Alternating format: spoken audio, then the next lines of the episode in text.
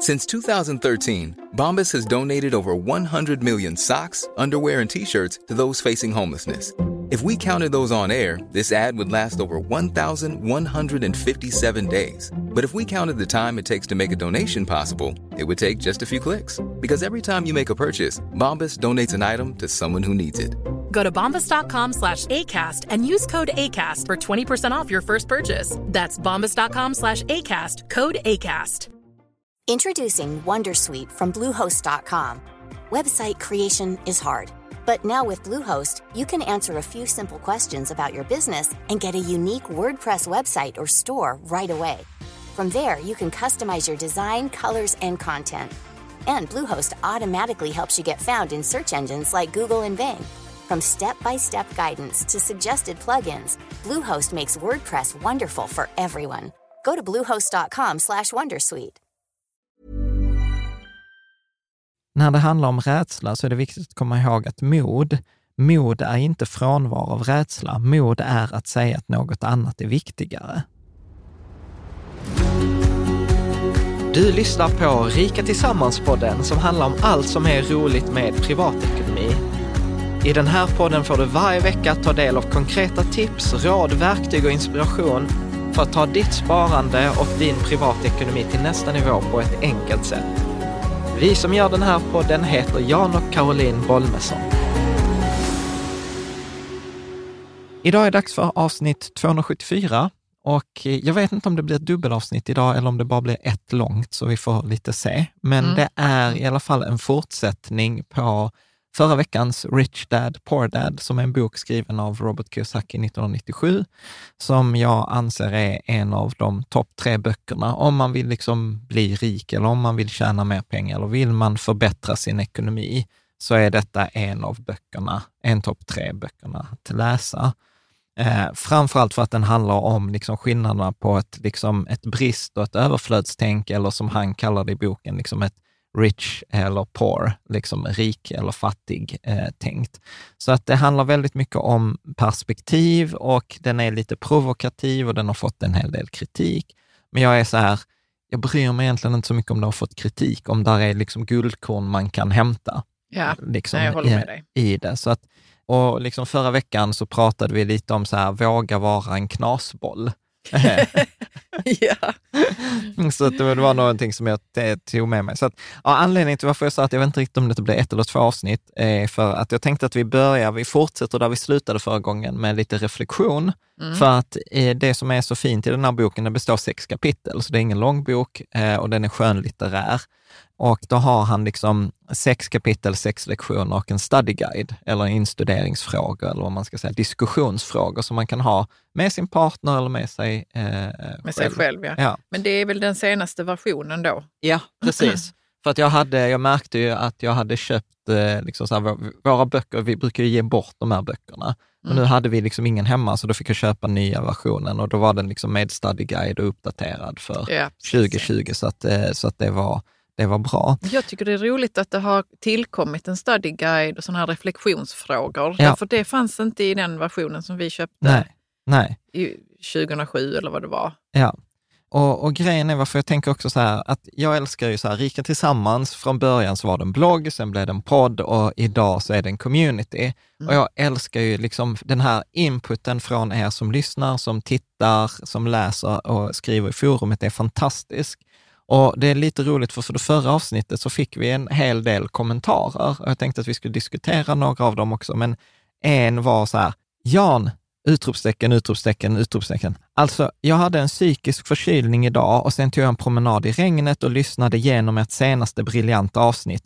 Kom hem, bad Malin att lyssna på avsnittet från 40 minuter kvar, inom, situation, inom parentes, för att få ett rimligt diskussionsunderlag. Sen dammsög jag och moppade jag hela huset och lyssnade en gång till. Liksom så här, jag ska till Malmö på torsdag, får jag bjuda på en eh, lunch. Liksom. Och jag tycker att detta är precis, alltså detta är så här, i bästa av världar så är detta det som kan hända efter Ja, våra ja, absolut. avsnitt. Men jag kan själv känna mig inspirerad efter för, förra avsnittet och det var ju första kapitlet i boken vi diskuterade. Ja, precis. Ja, så att, och jag har ju ändå redan läst boken så man blir helt så här, Wow! Ja, men Min precis. värld rockades igen, lite Ja. grann i alla fall. Nej, så att om du är så här, vad fan snackar de om? Lyssna, stäng av detta avsnittet, gå tillbaka till 273. Det, det, är tipset, eh, det är tipset här. Och är det så första gången någonsin du lyssnar på oss, lyssna på avsnitt 99. Det är det som vi går igenom så här. Liksom det är det viktigaste avsnittet. Bra med det också innan vi hoppar in i, i avsnittet tänker jag vi säga stort tack till vår community eh, på Patreon. Det är liksom en liten del av den stora communityn som varje månad sponsrar oss eh, liksom, och gör det möjligt att vi kan ha liksom så här, tre, fyra avsnitt om en bok från 1997 och liksom ja, få utan reklam utan, utan reklam, utan sponsring, utan, liksom så här, utan vi kan faktiskt fokusera på det som gör skillnad. Eh, Mm. Så att det är någonting som jag uppskattar jättemycket och sen är det naturligtvis inte bara att det är välgörenhet, utan att du ska få saker tillbaka. Så att vi har ju after works, vi har fika tillsammans avsnitt, vi har temakvällar, vi har en kväll till exempel denna veckan om pension med Monica Sjödin från Pensionsguiden, eller som var med i ett av våra avsnitt tidigare om att från utbränd till pension vid Ja, 55. Det var ett riktigt bra avsnitt. Alltså. Ja. Sen har vi liksom analyserat tillsammans. Eh, ja, där är en massa aktiviteter som man Mm. kan välja att vara med på om man vill. Och Mm. sen eh, om man inte vill så är det helt okej det också. Om man väljer själv vilken, eh, hur mycket man vill sponsra med och sånt. Så det är det som gör Rika Tillsammans möjligt, så att vi är alla, liksom, jag är jättetacksam till er som, som Vi är bidrar. tacksamma, både du och jag. Ja, precis. Så, och där kan man läsa mer, patreon.com tillsammans eller länk i beskrivningen. Bra. Så jag tänker faktiskt att vi tar frågorna först. Eller, Från Studyguiden, från Ja, kapitel 1. ja, precis. Mm. Eller nej, vet du vad? Vi tar faktiskt kommentarerna först. Ja, vi kan ta Vi- vi- vi tar kommentarerna, kommentarerna först. Från vårt forum som Ja. är eh, knutna till avsnittet. Ja, Mm. så att då har vi till varje avsnitt så kan man liksom diskutera och kommentera. Så detta är tråden, från tråden i forumet. Så då, då skriver eh, Jesse X, eller Jens, han skriver så här, du kan läsa det som står inringat här. Ja, det perspektiv som jag kan tycka saknas är att det faktiskt går att gilla sitt jobb, även om det i teknisk mening betyder att man är fast, fastlåst på medelklassnivån. Jag menar nu inte bara att eh, stå ut med arbetsuppgifter eller ha trevliga kollegor eller fikaraster, utan att nått den nivå där man får eh, där privatlivet, hobbyn och jobbet är sammanlänkade på ett sätt som gör det, eh, de svåra, vänta vad står det? Ja, svåra att skilja åt. Ja, bra, det räcker där. Mm. Och här, och detta är en, detta skulle jag säga så här, tack till Jens. Eh, han skriver också i första med, jag har inte läst boken, så att Jens är ursäktad här. Och detta är en av de vanligaste liksom, invändningarna, en av de vanligaste kritikerna, så hade vi så här, försvarsmekanismer, så här, men tänk om jag gillar mitt jobb.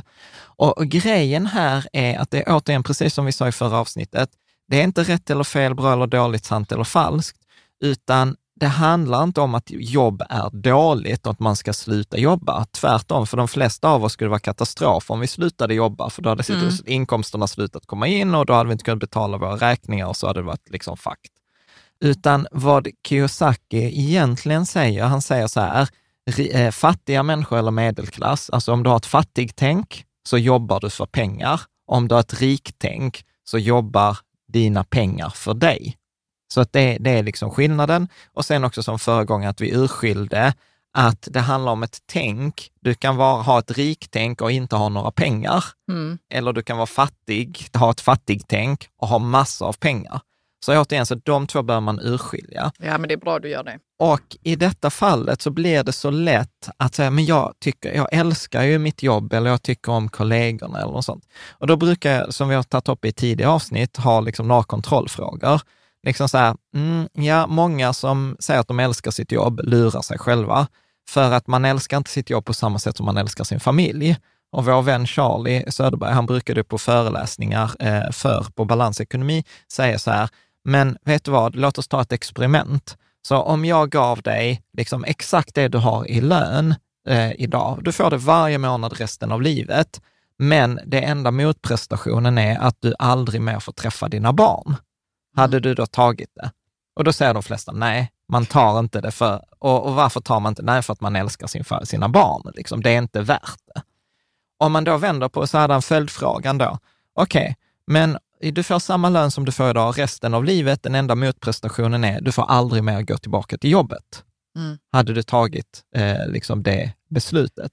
Och då säger majoriteten, inte alla, majoriteten, den absolut stora majoriteten, mer än nio av tio, säger då så här, jag tar det.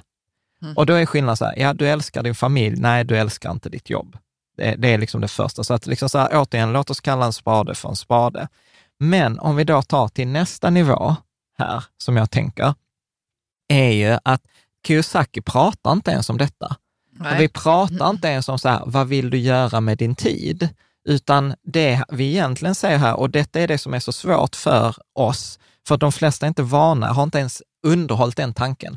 Tänk om pengarna jag behöver för att försörja mitt liv inte behöver komma därifrån jag lägger mina pengar. Eller förlåt, där jag lägger min tid. Ja. Nu blir jag så här, tänk om och, och, pengarna jag behöver för att försörja mitt liv inte behöver komma där jag lägger min tid. Som jobb då? Som exempel. jobb.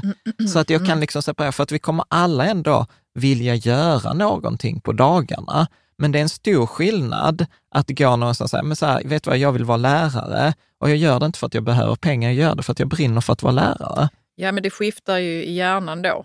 Ja. Och det är nog också lättare att byta jobb. Och, ja, alltså, för att då blir man ju driven och då är vi tillbaka mm. på det som i förra avsnittet, eh, liksom Roberts rika pappa då, mm. eh, till skillnad från hans biologiska pappa, då pratar om, jo men det, det riktiga kommer från passion. Och liksom så här, då gör du ju detta för att jag vill, inte för att jag måste. Och, och det är det, så att det handlar liksom inte om att värdera liksom så här, ja men jag tycker om mina kollegor, ja men fine, du hade ju kunnat vara med dina kollegor och du hade kunnat tjäna dina pengar någon annanstans. Mm. Och det är detta som mycket i FIRE-rörelsen har tagit till sig. Så här, nej men, om jag lever på utdelningar, som är det vanligaste, enklaste att förstå, om man liksom säger, nej men jag lever på utdelningen av mina aktier, ja men då, då har jag den här friheten. Och då, då, då kommer det här tankeexperimentet, okej, okay, och här blir det ju jobbigt för de flesta. Okej, okay, så om jag hade min, mina, alla mina utgifter betalda varje månad, vad skulle jag då vilja lägga min tid på? Och är det det som du lägger din tid på idag, så grattis. Så jag hade förmodligen fortfarande, även om jag inte fick betalt för liksom podda och, och blogga, jag hade förmodligen gjort samma sak. Det var ju det jag gjorde i tio år innan vi började tjäna pengar på bloggen. Så, så gjorde vi detta för att vi har en passion för det. Mm. Va, vad tänker du? Ja, men, alltså, eh, men det är roligt att du tar upp denna kommentar. För jag är alltid så, ja, ja, men gör det då. Men du kan ju vara på ditt jobb och du kan ju ha trevliga kollegor. Men eh, jag, vill också, jag vill, precis som jag sa innan, man vill kunna liksom vara fri mm. med att eh, byta jobb när man vill och inte vara orolig för att äh, men jag kanske, jag kan, det kanske inte blir lika bra som det jag har. Eller jag kanske, mm. Alltså att att man är fast på något vis att, mm. eh, i ett jobb som man kanske halvgillar. Ja, Men så. kollegorna är i alla fall trevliga. Exakt, och det är det vi kommer komma tillbaka och diskutera ganska mycket med rädsla.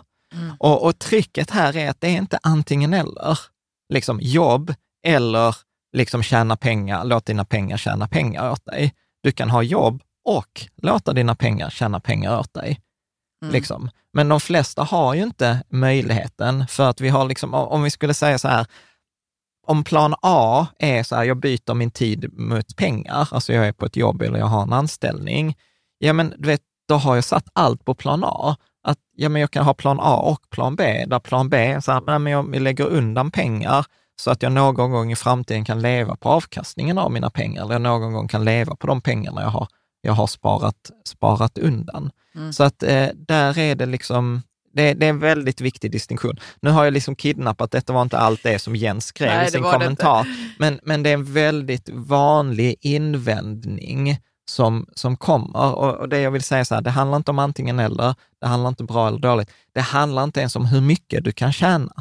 För att är du, är du vd på SEB och typ hette Annika Falkengren, så kunde du tjäna många miljoner i månaden eller per år på att vara anställd.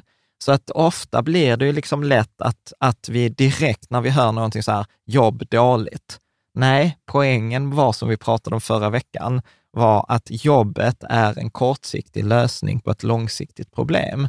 Där det långsiktiga problemet är att ja, vi kommer ha räkningar resten av livet. Ja, vi kommer behöva en inkomst. Ja, tänk om det som de flesta av oss går till default, byter min tid och min kompetens och min energi mot pengar, kanske inte är den smartaste långsiktiga lösningen. Nej. Sen, Nej, precis. Men jag tänker också kring det här, ja. det att man kan ju få ett roligare liv också om man nu inte känner att, man, att jobbet är allt man har. Liksom. ja, men precis. För att Och då- man vågar mer om man har en inkomst från något annat håll. Ju. Man vågar byta mer och, eller testa på något annat och ut, vidareutbilda sig eller någonting. Alltså jag tror Ja. man får ett roligare liv då. Ja, alltså den spännande, alltså återigen som jag kommer tillbaka till nu, alltså jag känner att det är mycket tjat här de senaste avsnitten, men frågan är ju mycket viktigare än svaret. Och, och frågan i detta fallet är, låter så här, vad skulle vara möjligt i ditt liv om din, du inte behövde ta hänsyn till att dina räkningar ska betalas i slutet av månaden, Mm. För att det redan var fixat? Ja. Vad skulle då vara möjligt? Vad skulle du då lägga din tid på? Vad Mm. skulle du lägga din energi på? Vad skulle du göra mer av? Vad skulle du göra mindre av? Alltså det är de här fyra, fem, sex frågorna som blir då relevanta. Och då kommer vi in på en annan kommentar Ja. och detta är en, en god vän till dig, tror jag, Ja. som har skrivit detta, eh, Lotta. Mm. Du kan ju skri- läsa vad hon, vad hon skriver. Ja, en spaning. Jag tänker att det också kräver mod att våga kliva av spelet. För i Jans exempel, om du fick samma lön som idag, men du fick inte komma tillbaka till ditt jobb. Hur många skulle välja något helt annorlunda? Jag valde att gå från ett högbetalt, väl ansett jobb till att börja plugga en lång utbildning, trots att jag är mitt i livet. Det innebär samtidigt att välja bort mycket av det som jag delade med tidigare vänner. Snack om jobb, karriär, semester med mera. Min passion i livet är att, vara nyfiken och lära mig saker. Och jag valde att kliva av det gamla livet för att få djupdyka in i psykologins värld. Det är fantastiskt roligt och intressant, men inte okomplicerat. Att vara annorlunda kräver mod. Mm. Mm. Jag tycker det är så här magisk kommentar av, av Lotta. Mm. Och, och vi, vi känner ju Lotta här liksom privat. Och, och det är precis det här. Alltså, hon, ha, hon hade möjlighet, hon hade ordnat sitt liv på ett sådant sätt att hon inte var beroende av sin löneinkomst. Och då, då hamnar hon i den här ganska tuffa frågan. Ja. Okej, så vad gör jag nu? Och det var, ju, det var ju inte helt självklart för henne. Vad ska hon göra? Men då var hon så här, nej men min passion. Och detta är intressant. För när du inte är begränsad av pengarna, då kommer vi ofta till passion. Då kommer det ofta så här, jag är intresserad av, jag vill, eh, jag önskar, eh, istället för att jag måste eller jag borde.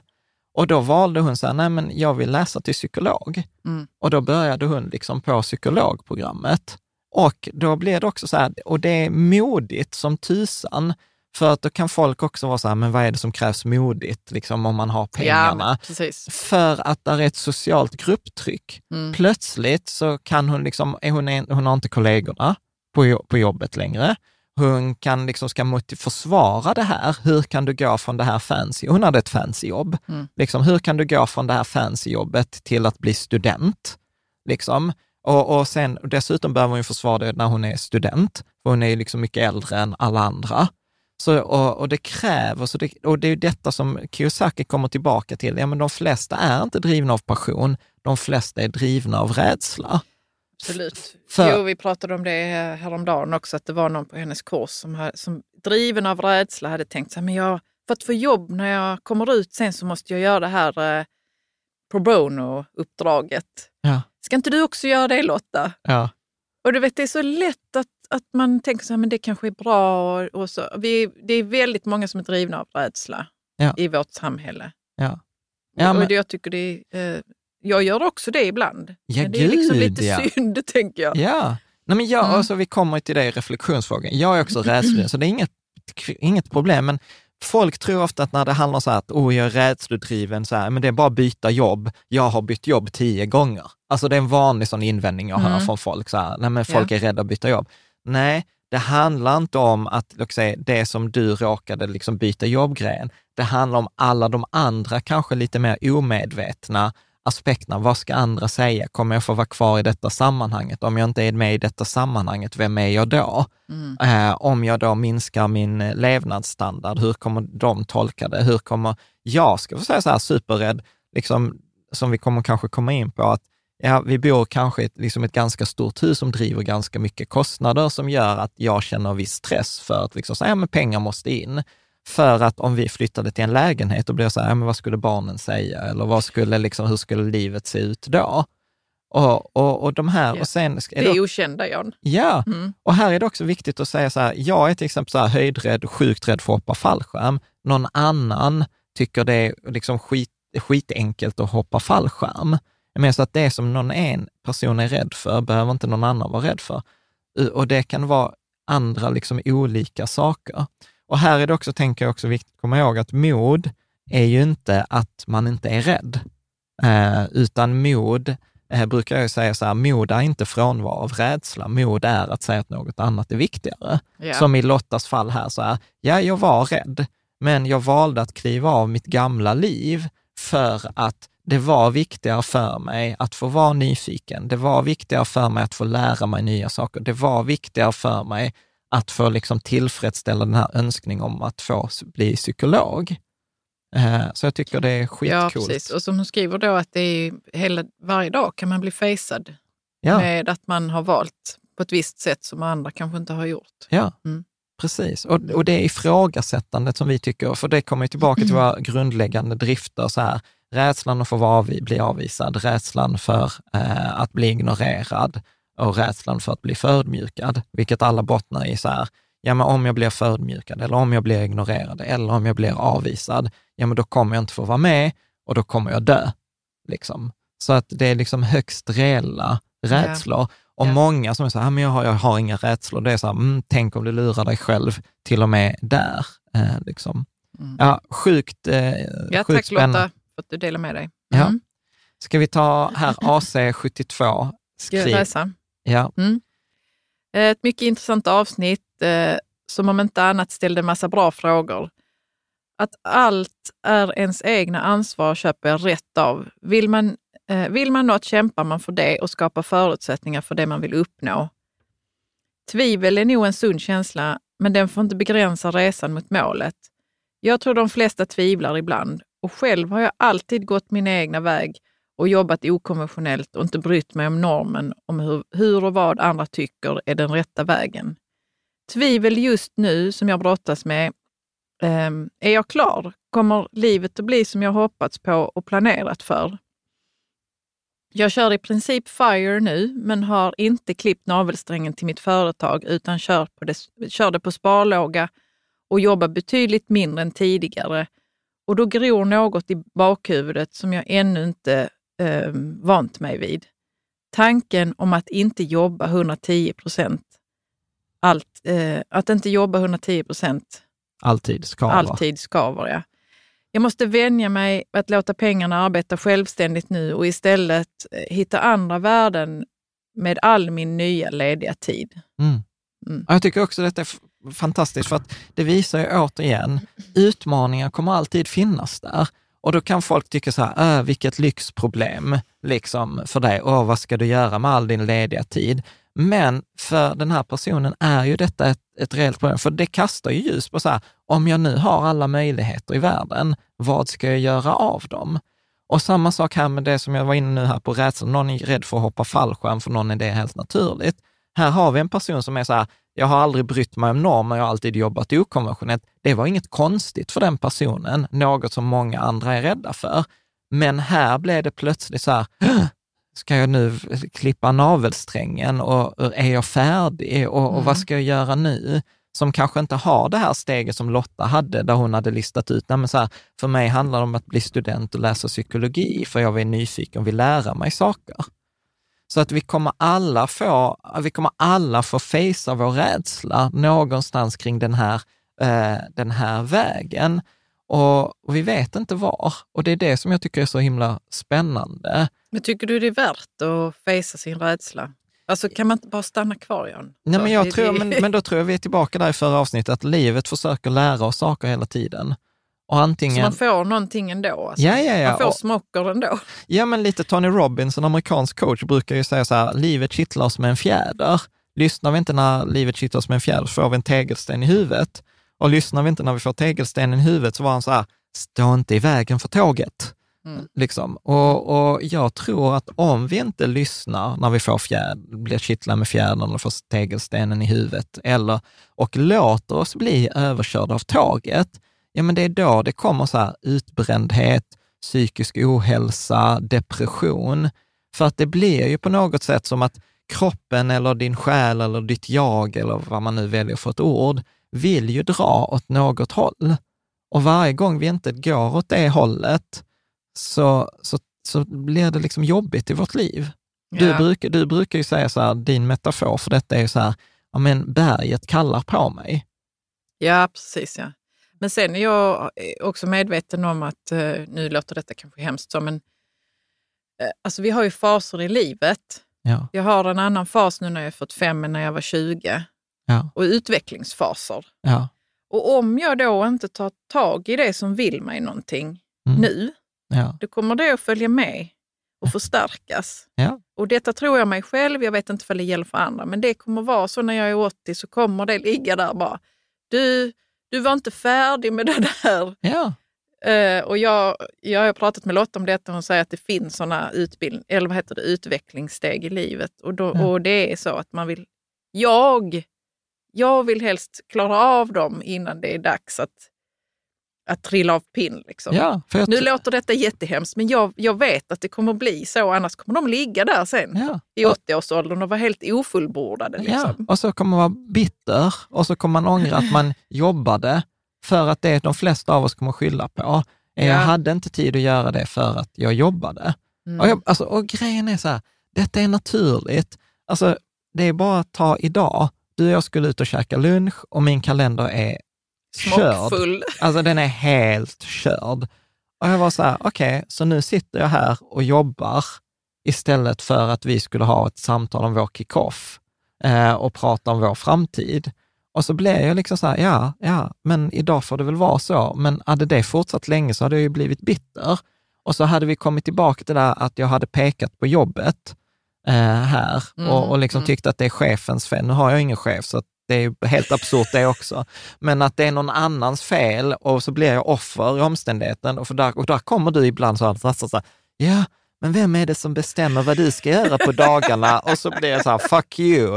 Eh, Ja, du blir arg på mig. ja, Och jag har lärt mig att inte göra det längre nu. ja, men för att när jag är mitt inne i det så är det som att det är sant. Ja, och där kommer jag och håller på och petar på dig. Nej, Ja, det jag ska inte göra så. Knackar på akvariet. Usch ja. Ja. Nej, men så att, så att jag tror att det är superviktigt. För jag, jag, tror, jag tror så här att man går sönder.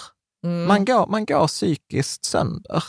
Eh, Mm. om, man, om man inte gör det som man har den här lilla rösten. Men jag tror att de flesta, du vet så här, fråga ett litet barn, så här, när, när liksom, jag kommer ihåg när, när Freja var liten, så kom man till förskolan och skulle hämta henne och så frågade vad ska du bli när du blir stor? Ah, jag ska bli polis, jag ska bli astronaut, jag ska bli, liksom så hade vi lilla Julia, och var så här, jag ska bli prinsessa.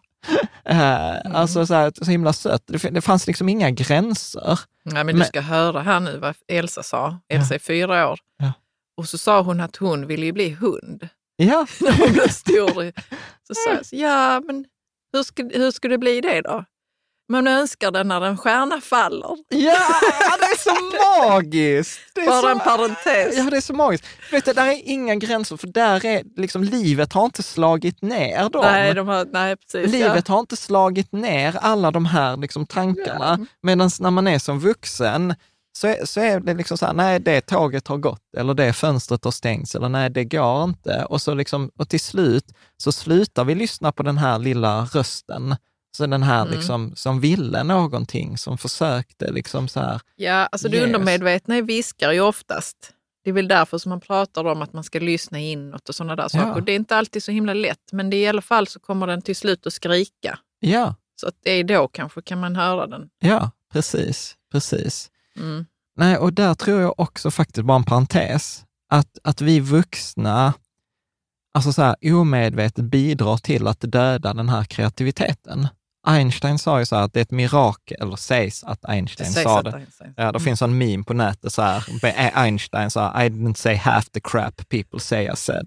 Eh, men att han sa så här att det kreativ- det är ett mirakel att kreativiteten överlever skolan.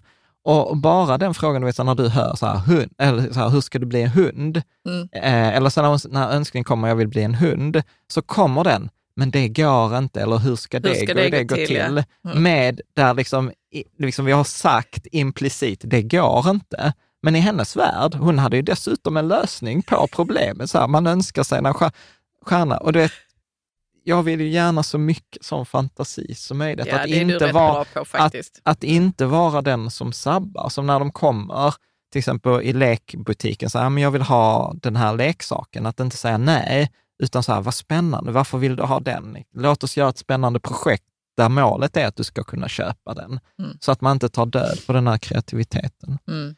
Bra, jag tänker vi ska ta eh, ett, ett citat till från, från forumet. Professor Kalkyl. Ja. Ja. Eh, Men han skriver så här, men är det verkligen så mycket rädslor som styr? Jag tänker att det är en praktisk fråga. Det är så oerhört mycket enklare att följa redan upptrampade stigar.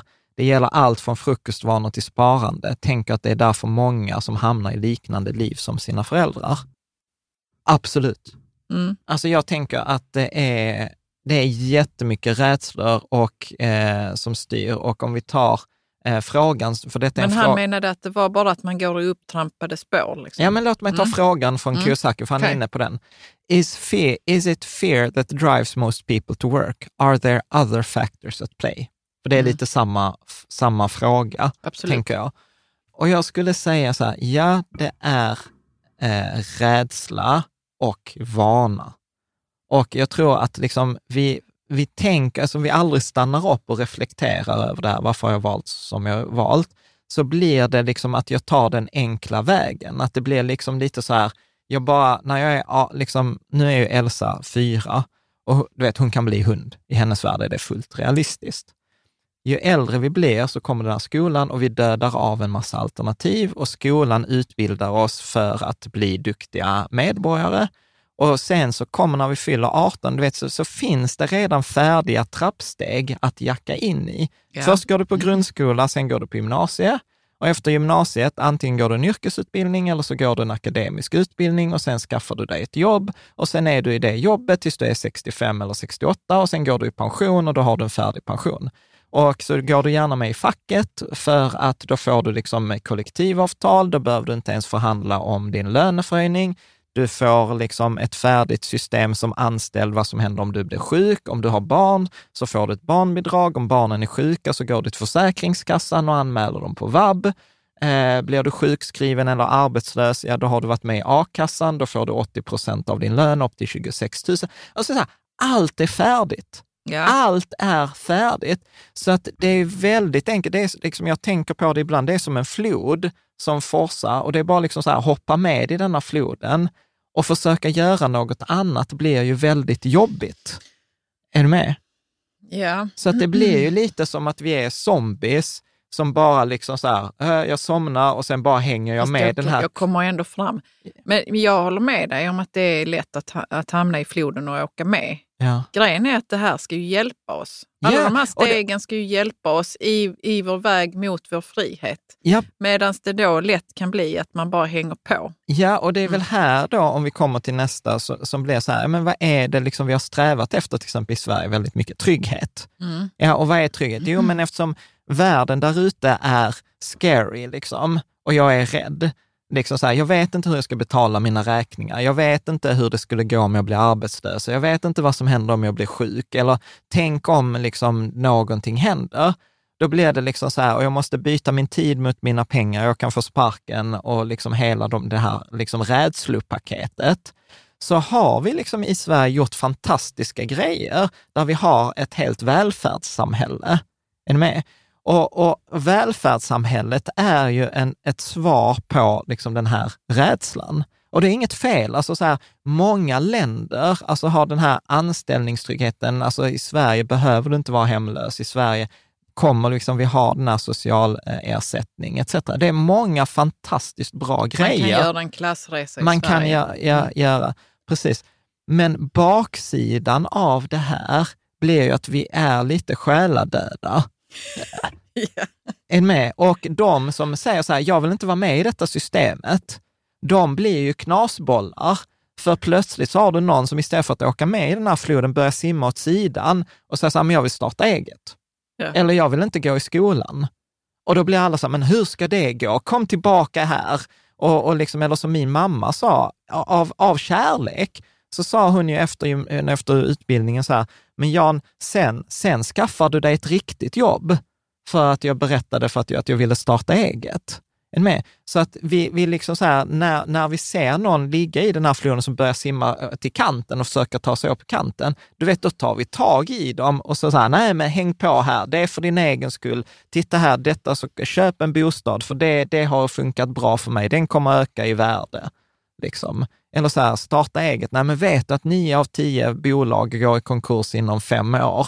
Det är bäst här att du jobbar statligt så att du kan få eh, liksom, eh, pension. Du kan vara här tills du är 50, 65 och Ja, få men pension. tack gode gud att vi har liksom den här eh, eh, det spänningssökande ändå. Vadå? Jo, men för det, jag tror det är det som gör att folk startar företag eller byter jobb eller Ja, men jag, går emot vad föräldrarna har sagt att man ska göra eller liksom vad kompisar gör. Alltså det är ändå det som gör, jag tror det är spänningssökandet och liksom sökandet efter något som gör att man känner sig lite... nej, jag vet Ja, inte. men det, jag tror att det jag tror att det kan vara en man del vill av... känna sig levande. Liksom. Ja, man vill känna sig, det behöver inte vara spänning. Man vill känna sig levande. Man vill Mm. ha något som kittlar. Man vill ha den här passionen. Varför startade jag bolag? Ja, men för att jag ville göra andra, för att jag ville göra andra saker. För jag såg framför mig, jag läste teknisk fysik, sen såg jag vad alla mina andra kompisar gjorde var att de blev IT-konsulter, för det var det man skulle bli där runt 2005. Och jag var så här, okej, ska jag nu vara konsult på Ericsson resten av mitt liv? Fy fan, jag dör hellre. Liksom. Mm. Och, och så ville jag göra liksom an, andra saker. Alltså det är inte bara medelklassen, nu blev det en väldigt lång diskussion här om detta, men man skulle kunna vara född rik eller liksom ha arbetat sig till en stor rikedom. Pratar du rik nu som rik, riktänk eller rik med pengar? rik För, med pengar och man kan ändå vara i, i den forsen som tillhör.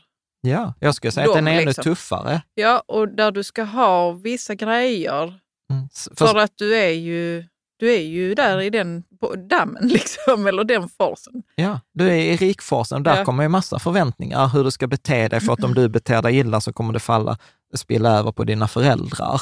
Och, du, och alla som säger så här, men du har ju ingen rätt att klaga för att du har ju alla de här pengarna. Du vet, tänk om jag bara hade dina pengar, då hade jag ju inte haft mina problem för att folk tror att pengar är lösningen på grejen. Mm. Och grejer man ska Ja. äga och Ja, hur och, man ska se ut. Ja, till exempel, vi pratade med en, med en kompis som spelade NHL på typ 90-talet. Och du vet, han sa så här, du kan inte komma med samma bil två säsonger i rad. Du kan inte ha på dig samma kostym två matcher i rad. För vad händer då? Ja, men för att då blir det liksom det här grupptrycket. Men alltså får man inte pucken då? Ja, men jag vet inte, jag Jag inte bara spelat. känner så jag bara hatar det som du säger. Ja, Jag tänker så, vad ska de göra mot mig då? Jo, Får men- jag inte puck? Jo, men Caroline, så Kommer här, de du, inte passa mig? Ja, men Karin, du har haft kompisar också som är så här, ja men eh, du vet, ja men ska vi, du borde ha de här kläderna eller du borde se ut på detta sättet eller så här, det är inget, alltså så till akademiska kompisar, du vet, det är klart att du måste ha en akademisk utbildning och när, när du, du vet, när du doktorerade, då var det liksom, då är där vissa sanningar. Man doktorerar inte för pengarnas skull och så Nej, accepterar, sant. så accepterar True. alla att man jobbar för 16 000 utan anställningsavtal och pensionsavsättning. För man gör det. Eller, eller myten bland alla konstnärer, fan är du en konstnär som jobbar för pengar, fy fan för dig, bara sålt ut dig. Mm. Eh, eller liksom diskussion, alltså så här, det kommer ju de här förväntningarna nu. Vi har en ny kulturminister som får så mycket skit för att hon har inte varit i kulturen. Alltså du vet, det, för då blir de här människorna i forsen, liksom vi blir ju upprörda på varandra och antingen upprörda så att vi har liksom grupptryck, eller så har vi grupptryck av kärlek. Ja. Alltså grupptryck av kärlek som min mamma. Så här, jag vill att det ska gå bra för dig. Min strategi i livet att det gått bra, det är att ha en bra utbildning, eh, bra betyg, bra utbildning, bra jobb, statligt jobb som lärare, för då får du aldrig sparken. Det är ett fantastiskt framgångsrecept för henne. Och då vill hon ju att det ska gå bra för mig, då ska jag kopiera det receptet. Problemet är att den bilen, vart det receptet kör, är inte dit jag vill åka. Jag vill åka till ett annat ställe. Jag vill åka till ett ställe där jag kan, kan skifta mellan tre företag eh, på, på en dag. Jag vill kunna spela in podd och blogg med dig, prata riket tillsammans, sen vill jag leka managementkonsult på, på eftermiddagen och sen på kvällen vill jag programmera. Det, det, Ja, det är väl exakt det som du gör nu. Ja, eller hur? Och det jobbet finns ju inte liksom inom statligt. Nej, det finns E- inte. Eller liksom inom statligt, så här, nej men jag, jag har liksom den här entreprenörslusten, tänker jag vill prova där eller skapa där. Nej, det går inte i den ramen. Nej, nej precis. Liksom. Mm. Eh, så att jag tror att eh, absolut, det är, det är vana, det är för att det är enkelt, det är för att alla andra gör det, jag gör det. Och sen kommer alla de här rädslorna. Jag gör det för att jag slipper bli ifrågasatt. Jag gör det för att då behöver jag inte skapa massa grejer själv. Om jag, om jag till exempel bara tar en sån grej, jag startar eget företag. För jag har liksom några kompisar som pratat om det länge, men som, som inte gjort det. Så till slut blir jag så här, men vad fan händer? Och så ringer jag till dem, okej, nu gör vi detta tillsammans. Och då märker jag så här, så här, hur fyller jag i en stiftelseurkund? Vad ska det stå i en bolagsordning? Eh, banken, shit, nu skickade banken ett mejl här att jag ska göra en affärsplan. Vad ska jag skriva i den? Okej, hur, hur funkar detta med moms och skatt? Och du vet, gud, alltså så här, tänk om bolaget går konkurs, då kan jag bli personligt eh, betalningsskyldig. Så här, kontrollbalansräkning, uff, alltså det borde jag ju lära mig. Och så blir det liksom ett, liksom rädslan som gör att jag inte tar det där steget, för att då måste jag lära mig någonting, jag måste skapa det själv. Medan, och det är därför jag till exempel säger att entreprenörskap är ju bland det mest kreativa man kan göra, för att du får lösa sjukt många problem. Så här, pension, ja men så här, det finns inget kollektivavtal, så du får lösa din tjänstepension själv. Det finns ingen förutsatt procent att det är 4,5 procent som sätts av din tjänstepension. Du behöver välja själv hur mycket du sätter av. Eh, är du med? Så att, Ja, det kan gå ett tag innan man inser detta. Och ja. det är väl okej, bara det inte har gått hela livet. Liksom. Nej, Mm. nej. Så att, så att ja, så jag skulle säga, ja, det är rädsla som driver de flesta. Rädsla att förlora, rädsla att det ska gå åt helvete, rädsla att, att göra fel, rädsla att inte få vara med, rädsla för att bli ignorerad, rädsla för att misslyckas. Absolut. Inte alla, men väldigt många av oss har de rädslorna. Och sen blir detta att det blir så jobbigt att fejsa denna rädslan, att vi hamnar på vana. Och, så, och i vana så blir det enkelt att bara kopiera det andra gör. Mm. Det, det är min reflektion eh, på, Ja. på detta. Och det är definitivt så i mitt liv, i, i områden. Jag är, rädd, jag är rädd för att det ska gå åt helvete. Jag är rädd för vad andra ska tycka. Jag är liksom rädd för, okej, vad skulle hända om jag slutade göra de andra grejerna och bara fokuserade på en sak? Jag är rädd, eh, ibland när vi bråkar så är jag rädd att du ska lämna mig. Alltså, så att ja, absolut, rädsla. Ja, men jag det är, inget också konstigt. rädsledriven. Men Ja. ehm, Bra. Ja. Ska vi ta nästa, nästa fråga här? Eh, då, och detta är fortfarande study guide. Eh, då. vi är i studieguiden fortfarande. Ja. Mm. Eh, how common is the approach to money taken by Roberts poor dad? Hur vanlig är den, det sättet Ja, att... eh, Kanske du kan svara på frågan. ja, men vänta, jag vill bara så... Vi behöver inte ha massa engelska här ju. Okej, Så hur Ja. vanligt är det att ha den synen på pengar, Pengar som- som Roberts biologiska pappa har? Jag Ja. skulle säga supervanlig. Alltså så här, samhället är gjort för den typ av människor. Så här, var duktig i skolan, skaffa dig eh, så att du kan få liksom, en bra utbildning, eh, så att du kan få ett bra jobb. Var på det jobbet tills du är 68 och går i pension sen. Mm. Köp- köp- min mamma köp- sa till mig? Köp ett boende längs vägen. innan jag började skolan till och med, jag vet inte hur gammal jag var, men att om man inte sköter sig Mm. eh, och är duktig så kommer man bli gatsopare. Det var liksom det sämsta man kunde bli. Ja, ja. ja, ja precis. Nej, jag skulle säga så att det, det, det är super, supervanligt. Det är majoriteten av eh, liksom, samhället är, är uppbyggt på, på det där. Alltså så här, det är bara att kolla på siffror. Vi har i forumet den här träden, hur rik är svensken? Mm. Eh, de flesta, det är mindre än 20 procent av Sveriges befolkning som äger aktier. Eh, de, liksom så här 30 procent, eh, vad var det, 27 procent klarar inte en oförutsedd utgift på 2 700, eller 5 000 kronor. Jag såg någon undersökning nu att eh, 34 procent av alla hushåll klarar inte ökade utgifter med 6 000 kronor i månaden, alltså etc. Så att eh, de flesta har plan A, alltså vi, vi byter jobb mot, eller vi byter tid mot pengar. Eh, så att eh, de flesta har inte företag. Eh, de flesta som vi kommer att prata om i nästa avsnitt har en stressad ekonomi. De flesta säger till sina barn, var duktiga i, i skolan eh, så, att du får ett, ett, så att du får ett jobb. De flesta säger så här, eh, jag är inte intresserad av pengar eller pengar är roten till allt und. Väldigt många säger så här, jag har inte råd, vi kan inte göra detta, tror du att jag är gjord av pengar? Pengar är gjorda av, eh, pengar är gjorda för att de ska rulla, eh, Mm. etc. Mm. De flesta förstår inte hur pengar flödar, som vi kommer att prata om i nästa avsnitt. Ja. Så att, nej, jag skulle säga så här, super, supervanligt. Mm. Super, supervanligt. Och jag ska säga så här, vissa av de här grejerna pratar vi om med Freja också. Jag säger ju till Freja så här, okej, nu får du göra ditt prov och sånt. Sen säger jag inte för att du ska få ett bra jobb, utan jag säger till henne så här, för att du ska ha så många valmöjligheter som möjligt. För att liksom en princip som jag har snutt från Jonathan Stolzenberg, som vi fortfarande ska bjuda in till podden vid tillfälle, där han säger så här att det ofta är det bättre att ha ett större utfallsutrymme eller större möjlighetsmängd än en liten. Så har du bra betyg, ja, du har fler alternativ. Eh, har du inte bra betyg så har du färre alternativ ja, men det är bra att du är på henne lite där om det, för jag är inte det. Jag, Ja. jag är inte på eh, Freja om att hon ska eh, plugga till matteprovet så mycket. Nej, jag- Jag är så, du ska göra det som du tycker om Freja. Vad tycker du om att göra? ja, Jag tycker om att rita. ja. Mm. ja, ja nej, men absolut. Jag Det har inte, du får vara bad cop. Jag jag, bara skojar. ja, men det är bra. Du vet om att det är jag som är den mesta bad copen Jo, jag här. vet. Så att jag kan vara det i det området. Mm. Så för Karo är den så här, du vet, om jag kommer så här, vi ska ha lite glass eller så En här, vardag. ja, så är Karo, alltså det, ja, vi behöver inte gå in på hur du reagerar då. It's not pretty. Eh, Ja, vidare nu då. Ja. Ska du läsa nästa? Uh, Robert's rich dad said true learning takes energy, passion, passion and a burning desire. Ja, läs Mm. följdfrågorna. What are examples of when this has proven true in your life?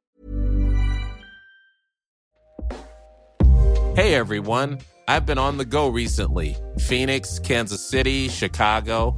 If you're like me and have a home but aren't always at home, you have an Airbnb. Hosting your home or a spare room is a very practical side hustle. If you live in a big game town, you can Airbnb your place for fans to stay in. Your home might be worth more than you think. Find out how much at airbnb.com/slash host.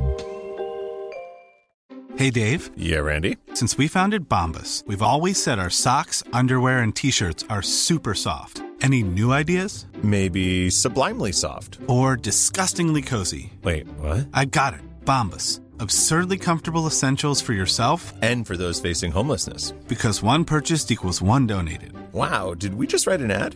Yes. Bombas. Big comfort for everyone. Go to bombas.com slash ACAST and use code ACAST for 20% off your first purchase. What's one lesson you've never forgot and why? Mm. Jag tycker detta är en jättespännande fråga. Så, okay, så att, att lära sig saker kräver energi, passion och en längtan. Mm. Jag skulle säga absolut. Absolut. Och, och jag När har det varit sant i ditt liv? Nej, men jag har ju fått lära mig ekonomi själv. Mm. Jag har inte gått någon utbildning, eh, utan jag har fått lära mig det liksom den hårda vägen genom att jag har förlorat pengar. Jag har gjort massa misstag, jag har rekommenderat dåliga affärer. Men Jan, det är också så här att du har tittat på vad hände nu? För att jag har också förlorat pengar. ja. Men jag har ju kopplat det så mycket till skam så att jag tittade ju inte ens Nej. till att börja med vad det var som hände när jag förlorade på Indian Equity på Swedbank eller vad det var. Ja, ja, ja. Nej, men, och, och jag tror, och jag har ju liksom, brukar alltid säga så att jag, vi har haft förmånen att ha massa kloka människor runt mig i, i livet som har, som har liksom hjälpt mig. Och, alltså jag minns liksom så här mitt först, ett av mina första styrelsemöten. Då kommer så här, kritiserar jag vdns strategi, för jag tyckte den var dålig. Och hur gammal var du då? Typ 20. Det 23 var, det var, det något varit 25, nej, 22, 2005, 24. Ja. Den, var, du, den var säkert dålig. Ja, det var dålig. Det var den. Det var den, ja. Det var den. Men grejen så, så säger styrelsens ordförande så här, ja men eh, så här, ja, du har några poänger, men vad är ditt förslag? Mm. Och då hade jag ju inget förslag. Nej. Och- Och så, jag ska bara ta en parentes. Och sen, Ja. så när jag då har beklagat mig över saker Ja. i hemmet, Mm. när vi har suttit och ätit middag, då har du liksom, till slut har du sagt så här, men du, vet du vad? Har du, kom med något bättre förslag själv. Ja. Lashat ut på mig där och nu förstår jag var det kom ifrån. För du har ju fått det så under ett styrelsemöte framför- inför massa andra farbröder kan jag tänka mig Ja, att det ja, var absolut. säkert ingen kvinna. Absolut. Absolut. Och, så, och då var det så här, ja men Jan, liksom, då är det så här, regel nummer ett, du får aldrig liksom så här, kritisera inte ett förslag om du inte har ett annat förslag bättre. Liksom, Nej, jag var, gillar var, det. Var konstruktiv. Jag i gillar så det fall. jättemycket. Jag fall försöker i- också leva ja. så. Mm. Och, och sen så skulle jag också säga så här, när jag har försökt lära mig grejer, så har jag gjort det på passion. Till exempel, jag, jag, jag är ju så här visuell, jag älskar att ta bilder, eh, ta kort. Eh, och så var jag så här, okej, men hur lär jag mig nu om foto? Och, och så då hade vi en kompis som fotograferade mycket. Så jag var så här, vet du vad? Eh, jag gick till honom och så sa jag så här, kan jag inte hjälpa dig? Jag vill, jag vill bli bättre på foto. Eh, så kan jag inte få vara din assistent i en vecka? Jag hänger i din studio, jag hjälper dig, jag bär grejer, jag fixar. Jag vill inte ha något betalt, det enda utbytet är att du låter mig få vara med och du förklarar vad du gör så jag lär mig längs vägen. Och jag tyckte också det var så här sjukt coolt. Jag lärde mig jättemycket. Mm. Så idag kan jag, liksom så här, jag, jag skulle säga att jag kan tillräckligt mycket foto för att hålla en grundkurs. Mm. Liksom för folk som vill lära sig fotografera. Och, och, och sen så tror jag att mycket, jag har ju gått mycket på inspiration. Så här, ja men jag tog jägarexamen, för det verkade så här, ett tag så var jag så här, ah, men jag ska äga skog och, och sånt. Och så hängde jag med Mattias, vår kompis som har mycket skog och som, eh, som jagar mycket. Ja, sen var det så här, nej men okej, jag ska testa spela golf eller jag vill lära mig programmera. Ja, då satt jag ju och programmerade på kvällarna. Mm. Eh, så att jag, jag, jag, för mig har det där funkat och för mig blir det också så att det blir inte jobbigt för att om, om man har det med energi och passion så blir det som att tiden bara försvinner. Eh, och sen så kommer ju Rich Dad då också, som han, jag tror det kommer ett senare kapitel, där han säger så här, men earn while you learn. Och då kommer ju nästa grej så här, åh coolt, kan jag tjäna pengar medan jag gör detta också? Eh, och för, för mig blir det så här, wow, tänk att jag kan lära mig saker och få betalt samtidigt. Och då kommer vi tillbaka till exempel till en av de första frågorna. Jobb kan ju ibland vara så här superbra, alltså att byta tid mot pengar, särskilt om jag lär, om jag får en added bonus, Mm. liksom, och jag får en extra bonus i att jag lär mig saker, att jag får hänga med den här fotografen, eller får hänga med den här säljaren, eller jag får liksom hänga och kolla på hur den här vdn jobbar, eller liksom konsulten. Ja, och jag kan tänka mig att de flesta känner väl, de flesta som utvecklas på sitt jobb känner väl Mm. det, Ja, att det är det som sker. ja. Eh, lär sig samtidigt. ja, Men jag tycker det är svårt annars med det här earn while you learn. ja. Jag tycker det är jättesvårt att, liksom, om det inte är mitt jobb, äh, inte är mitt jobb, hur jag ska liksom hitta de där Jo, men där, ja, men där blir det ju vara strategiskt. Nu hoppar vi egentligen till ett annat kapitel, men Mm. då säger han så här, okej, men liksom om du ska driva eget företag. Alltså, och sorry att alla exempel handlar, handlar om företag, men det är för det som är naturligt för mig. Men säg att man, man vill bli vd. Okej, så här, jag, vill inte, jag vill inte starta för, jag vill bli vd, eller jag vill bli affärsområdeschef eller produkt, eller specialist. Det spelar liksom ingen roll. Och då säger man, okej, men för att vara vd, då behöver man vara duktig på ekonomi, du behöver vara duktig på kommunikation och ledarskap, till Mm. exempel. Mm. Bra, okej, men eh, om jag då behöver vara duktig på ledarskap, eh, okej, bra, var, vilka företag är duktiga på ledarskap? Ja, men kan jag börja jobba Eh, på någon ledarskapsbyrå, till exempel håller le- organisationskonsult som jobbar med ledarskapsutbildningar till exempel. Eller om jag är ung, ja men kanske jag går, eh, blir officer. Eh, försvarsmakten är duktig på, på ledarskap. Okej, jag behöver bli duktig på att förstå ekonomiska flöden. Ja, men bra. När jag har varit officer där, ja men då slutar jag, eller jag slutar efter fem år eller tre år på den här organisationskonsultbyrån och så börjar jag jobba på en redovisningsbyrå med bokföring i två år tills jag har lärt mig bokföring. Och sen, okej, sen behöver jag bli duktig på kommunikation. Ja, men då går jag kurser i kommunikation eller jag lär mig kring Fast det är inte earn while you learn. Det är det jag menar. Ja, men ska men- man liksom, Ja men okej, men jag börjar jobba med någon som jobbar med kommunikation. Förstår Mm. du? Att jag byter Mm. jobb strategiskt, inte så här, och jag är mattelärare på denna skola, nu byter jag och vara mattelärare på en annan skola. Nej, nej, nej. Utan jag hoppar beroende på vad jag behöver lära mig. Okej, jag behöver lära mig försäljning. Bra, ta ett jobb på liksom, telemarketingfirma. Så du kommer få massor av nej. Så att vara liksom lite strategisk, det är som att du spelar ett dataspel och så ska du bygga din gubbe. Nu har du liksom eh, stor, hög styrka, bra, nu behöver du lära dig liksom smidighet, eller nu är du liksom duktig på detta vapnet. Ja, men byt vapen. Mm. Så att du bygger, bygger ihop din kompetens, liksom som pusselbitar. Eh, och, och ställ dig frågan, så här, vad skulle jag kunna lära mig detta med Ja. alltså tjäna pengar Man kan ju också ta eh, kurser när man på, eh, inom, ja, på sitt jobb kan man ju få vissa kurser Ja. betalda och så. Mm. Ja, precis. Ja. Det gäller nog också att prata med andra. Se vad, liksom, för det finns ändå rätt mycket visdom hos Ja. andra människor. Ja, men så är det. Men har du Mm. någon sån här läxa som du liksom aldrig har glömt? En, en, förlåt, en läxa till som jag aldrig, aldrig har glömt, det är ju så när jag fick den här misslyckas, att ett annat perspektiv på misslyckande, att man kan se misslyckas som att lyckas missa. Mm. Att man faktiskt handlar om att försöka och liksom se, okej, men vad lärde jag mig nu? Vad var guldkornet i att det gick åt skogen? Vad, vad är min insikt från Ja, det här? Visst. Det var också en sån här, eh, Mm. som att det kräver liksom mod och passion. Ja. Nej, men jag tänker att under min uppväxt så var det så att jag ville testa olika saker. Mm. Olika sådana här sporter och teater och sådana där saker. Men jag, jag upplevde inte att, att eh, mina föräldrar förstod, eller att jag ens själv förstod, att det är bra att Mm. man provar lite och sen går man vidare till nästa grej. Utan Mm. man skulle alltid satsa på en grej. Mm. Alltså som att, eh, okej, eh, någon gång vill jag ju klättra. Mm. Jag tycker fortfarande det är jättekul med klättring och det kan vara på en vägg inomhus eller ut, utomhus. Liksom. Och du vet, jag har ju tagit kurs i det Mm. för flera tusen och haft skor och sånt. Och så har jag känt så jävla dåligt samvete över att jag inte har liksom fortsatt med det. Mm. Eh, inför dig. Va? ja. Och tänk så Jan tycker är en sån, sån som aldrig slutför saker eller att man börjar på någonting och sen så var det inte kul längre eller whatever. Liksom. Mm. Men det får, man får lov att göra Ja. så. Ja. Och jag, nu försöker jag ju uppmuntra våra barn att ja, men, eh, eh, jag förstår att du vill gå på basketen Freja, men du kan gå på teater också. Nu har du fått en plats här på Kulturskolan om du vill. Det, man ska testa så mycket som möjligt. Ja. Nej, Jo. då vill hon inte det. Men jag tycker i alla fall, nu var det bara ett sidospår, att man får lov att prova massa grejer och man behöver inte liksom satsa hela sitt liv på saker eller ha en tanke eller en Nej. strategi. Eller, folk tänk, frågar så, hur tänker du nu? Men vad ska du göra med det då? Eller vad ska Ja. det leda till? Ja. behöver fan inte leda till någonting. Det är Nej. bara en stepping Och stone och- till och något så- annat. Och Liksom. saker behöver inte vara för alltid. Nej, Och, och det är återigen den här dikotomin.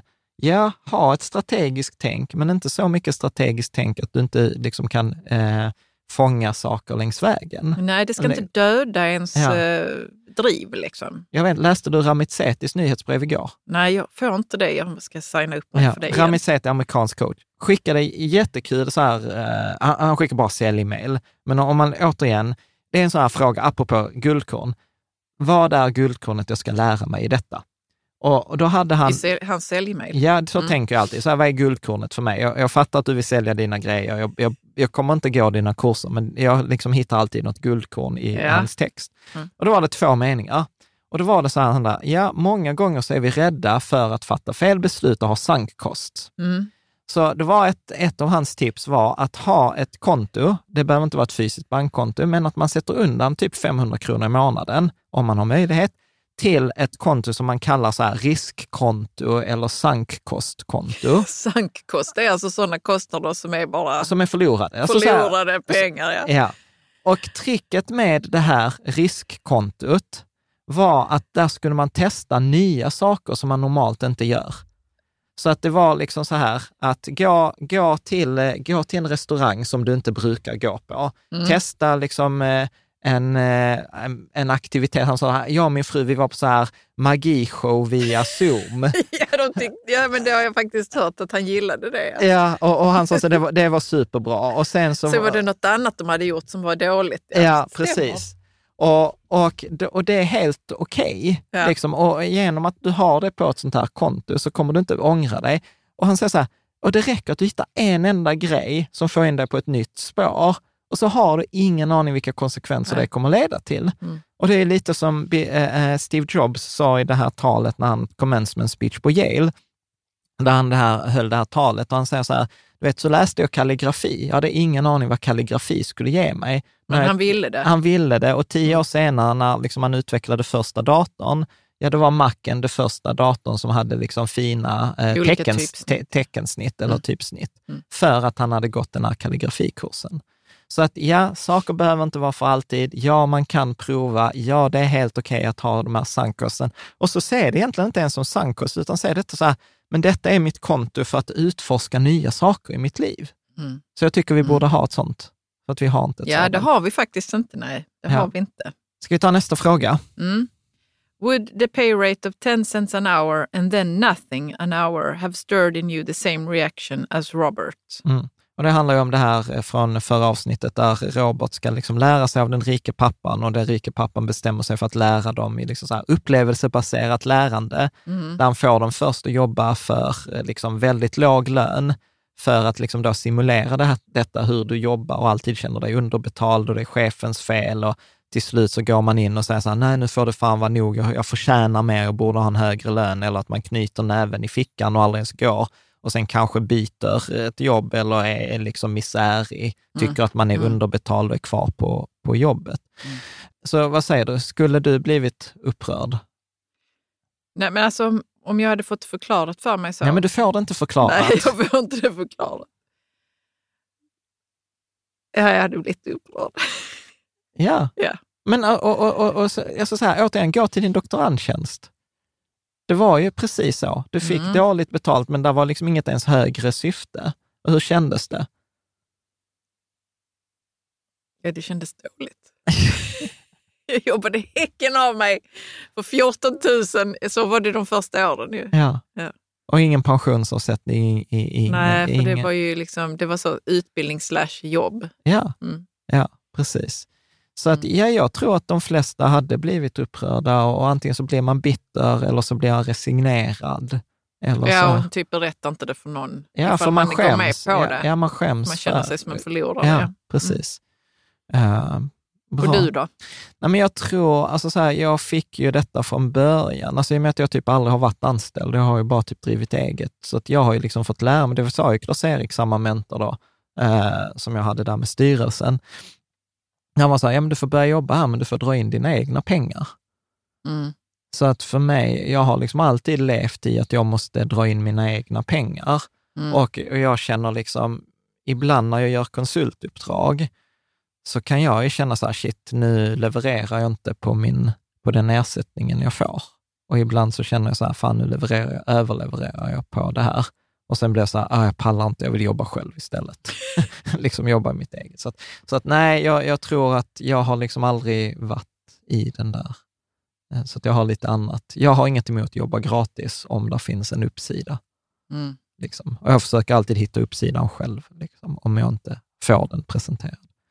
Jag tror, Jan, att du är... Du, eh, kan det inte ha varit så förr i tiden åtminstone? Vadå? Nu är vi ju liksom helt... eh, Vi har ju lärt oss detta ju. Ja. Vad tänker du? Men förr i tiden måste du ändå känt så. men men Karolina, jag har aldrig haft ett jobb. du har ju haft ett jobb. Du hade Nej. ju det där när du fick 350 kronor. Ja, men det var ett ti- i konsult... timmen. Ja, det Ja, var ett konsultuppdrag. Det Kons- skulle jag ändå kalla jobb. Ja, ja.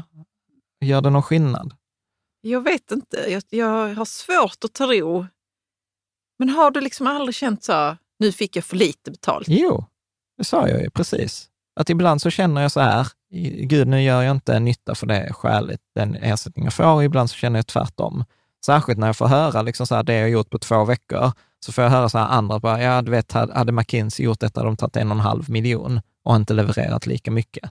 Då är det klart att jag kan bli så här, ja men ja, ja, okej, vad tog jag, hundratusen? Eh, liksom. Ja, och där kan jag bli arg. Ja, ja, du blir, Jag blir mer arg än vad du blir. ja, men för mig blir det så här, Det är ja, också för att jag, jag får sopa upp de spillrorna som kommer hem sen. va? Så är det ju. Vilka spillror? Ja, men när du är trött och Ja, har jobbat, jobbat häcken av dig. ja. Ja, men så, så kan det vara. Nej, men så, Så kan det vara, ja. Mm. Absolut. Men för mig blir det så här, jag är inte bitter. Det är ju jag som har satt vad jag ska ha betalt. Ja, Så ja jag kan- absolut. så det är kan- du som har bestämt det. Så, så att jag, jag blir ju inte arg på någon annan, utan jag tar så här, okej, men det var ju någonting jag skulle lära mig här. Ja. Eh, och så tänker jag så här, och, och det där kommer tillbaka till den här attityden som jag har, att allt som händer är en träning för något som komma skall. Mm. Så att för mig är det så här, nej, det är ingen värt att lägga så här, nej, det är bara att göra om det till nästa gång. Mm. Men jag skulle ändå vilja påstå att det är, det är din hjär, mogna hjärna som pratar nu. När du var 20, då visste du ju inte att det var någon träning inför komma skall. Eller? Alltså, jag vet inte, jag träffade ju Klas-Erik när jag var 23. Ja. Så jag har ju varit ja, det är svårt i, att gå tillbaka och liksom unlearn. Ja, vis. alltså tar du i- liksom innan det så hade jag ju aldrig det. Då var ju försäljning fult och jag skulle skaffa mig en Mm. bra utbildning. Så det var ju därför jag hade, jag hade ju typ fyra och nio från grundskolan och sen gick jag så här extremklass med de som hade bäst betyg i Skåne och så hade jag liksom typ MVG i allt. Och så läste jag liksom sen, okej, vad är det bredaste du kan bli? Ja, men civilingenjör, teknisk fysik. Så visst har jag inte haft ett riktänk. Jag har fortfarande inte ett riktänk.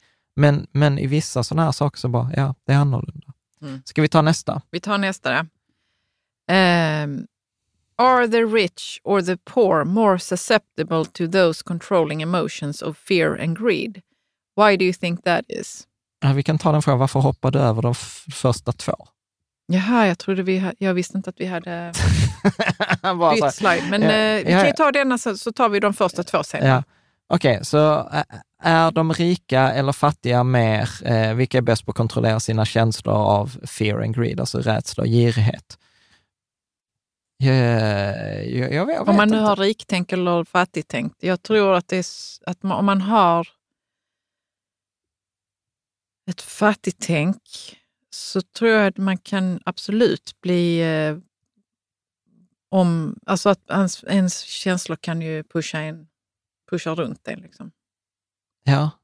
Jag tror, alltså, jag. o- o- om, om, man, om man sätter att det är liksom bristtänket eller fattigtänket, att det är någon annans fel, att Ja. vi inte har det personliga ansvaret, så tror jag att, eh, att det nog är svårare, tror jag, att, att, att förhålla sig till känslorna.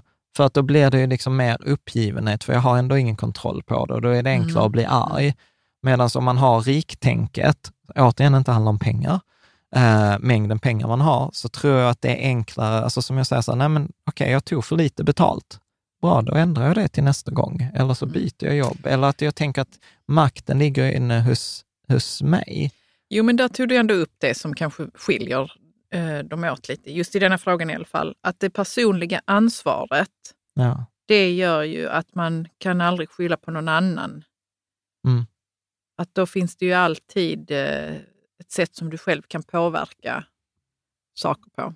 Ja. Och eh, känslorna som kommer då är väl mer riktmärken liksom, Ja. för en. Och, och, och sen så tror jag återigen, alltså har man mycket pengar och har ett fattigtänk, så kommer ju liksom massa rädslutankar kring det där också. Ja. Att, att liksom så här, tänk om jag förlorar, tänk om börsen går ner. Eh, liksom har jag, lite som det vi har varit inne på i andra avsnitt, har jag tryggheten i pengarna på kontot eller har jag tryggheten i förmå att min tanke om att så här, jag har ju inte fötts med de här pengarna, utan jag har ju skapat de här pengarna. Om jag har gjort det en gång innan, då borde det gå snabbare andra gången, för nu behöver jag inte göra de misstag jag gjorde första gången. Ja. Så, så att, så att, och där kan jag ju säga att där kämpar jag ju hela tiden. Alltså vi började ju på noll 2004, när vi liksom efter, efter studenten. Eh, så att egentligen borde jag ju ha mycket mer tillit till mina, till mina egna muskler. Det är lite som Caspian sa i det ena avsnittet, liksom så här, ja, vissa har trygghet i förmåga, andra har trygghet i sin kropp eller trygghet i sitt intellekt. Och där har jag väl faktiskt, det har jag nog inte sagt, men de senaste månaden, två, tre månaderna, så har jag ibland varit så här, varit mindre rädd, för jag är så här, jag har tillit till min hjärna, den verkar uppenbarligen vara snabb och funka, så att jag är inte så himla rädd för olika situationer. Det kommer lösa sig. Mm. Liksom att jag kan ha tillit till att ja, men jag, jag kan säkert tänka ut en lösning på detta problemet också. Och, och, och lite så Jag här, tror också det är för att du utsätter dig ju eh, för olika situationer som är svåra för dig och sen så lyckas du. liksom. Det kan ju vara att du, har, att du får lagom kostym liksom, Mm. på dina... Ja, det är ju det enda sättet att få självförtroende och Ja, lyckas. det är det, är det. Är ju ett sätt att utmana sig och sen lyckas. Det är så, så Mm. bygger man ju självförtroende hos barn också. Det är inget, Ja. det är inget annorlunda när man är 42. Nej, precis. Men man flesta- kan nog märka om kostymen blir lite stor. Då får man liksom dra ner Ja, eh, storleken lite på Ja. sina problem. Men det är ju viktigt eh, för att få tillit till sin förmåga att man utmanar sig. Ja. Och då kanske man måste simma in till kanten eller mot strömmen lite. Eller Ja. gör du något annat knasbolligt. Ja, ja. Liksom. Ja, ja men exakt, exakt. Så att jag skulle säga så här, nej, det är nog inte att de rika eller fattiga eller de med riktänk eller fattigtänk är mer i känsla än någon annan. Jag skulle bara säga att det är olika känslor och sen hur man agerar eller reagerar när känslan kommer är olika. Så känslor är ju bara information. Liksom så här, här, hej, här kom den där lilla rösten, detta är rätt, detta är fel. Mm. Men eh, så jag, tror att, eh, och det handlar inte om mängden pengar. Det är väl Nej. mitt svar. Det, sen kan vi, om vi gör om detta om fem år, så har vi säkert ett annat svar Ja, på precis. frågan. Is the temptation strong to think that more money will soothe that fear? Why is that such a common reaction? Så att, och detta hänger ju ihop där att med den här, att de flesta är rädslostyrda. Ja, Så okej, så om man är rädslostyrd, liksom man har det här bristtänket, livet är farligt, som så här, jag jobbar, eh, jag jobbar, jag byter min tid mot pengar. Det betyder att jag har liksom aldrig tillräckligt mycket tid för att göra det, för jag spenderar tid på jobbet och sen tar jag mig till jobbet och så får jag inte den lönen jag vill ha, vilket gör att när jag kommer hem så är jag trött, så jag har brist på tid, jag har brist på energi, jag har brist på pengar. Eh, liksom, och, och då tänker jag liksom så här, om jag bara hade lite trygghet, eller om jag bara hade pengar, då Mm. hade allt varit Mm. bra. Mm. Liksom. Så, och och va- varför är detta då en så vanlig, eh, så vanlig reaktion? Ja, men jag, jag, tror, jag tror att det handlar om att det är den här, om jag bara hade X, då hade Y varit löst. Och då tänker jag som de flesta har då brist på pengar, eh, så blir svaret om jag bara hade pengar, då hade allt varit bra. Och, och det, denna tron hade jag ju i 10-15 år, ända tills den blev liksom helt absurd, alltså som jag brukar berätta i andra avsnittet, plötsligt så hade vi ju pengar på kontot, typ en halv miljon. Och jag märkte så här, det blev ju inte bättre.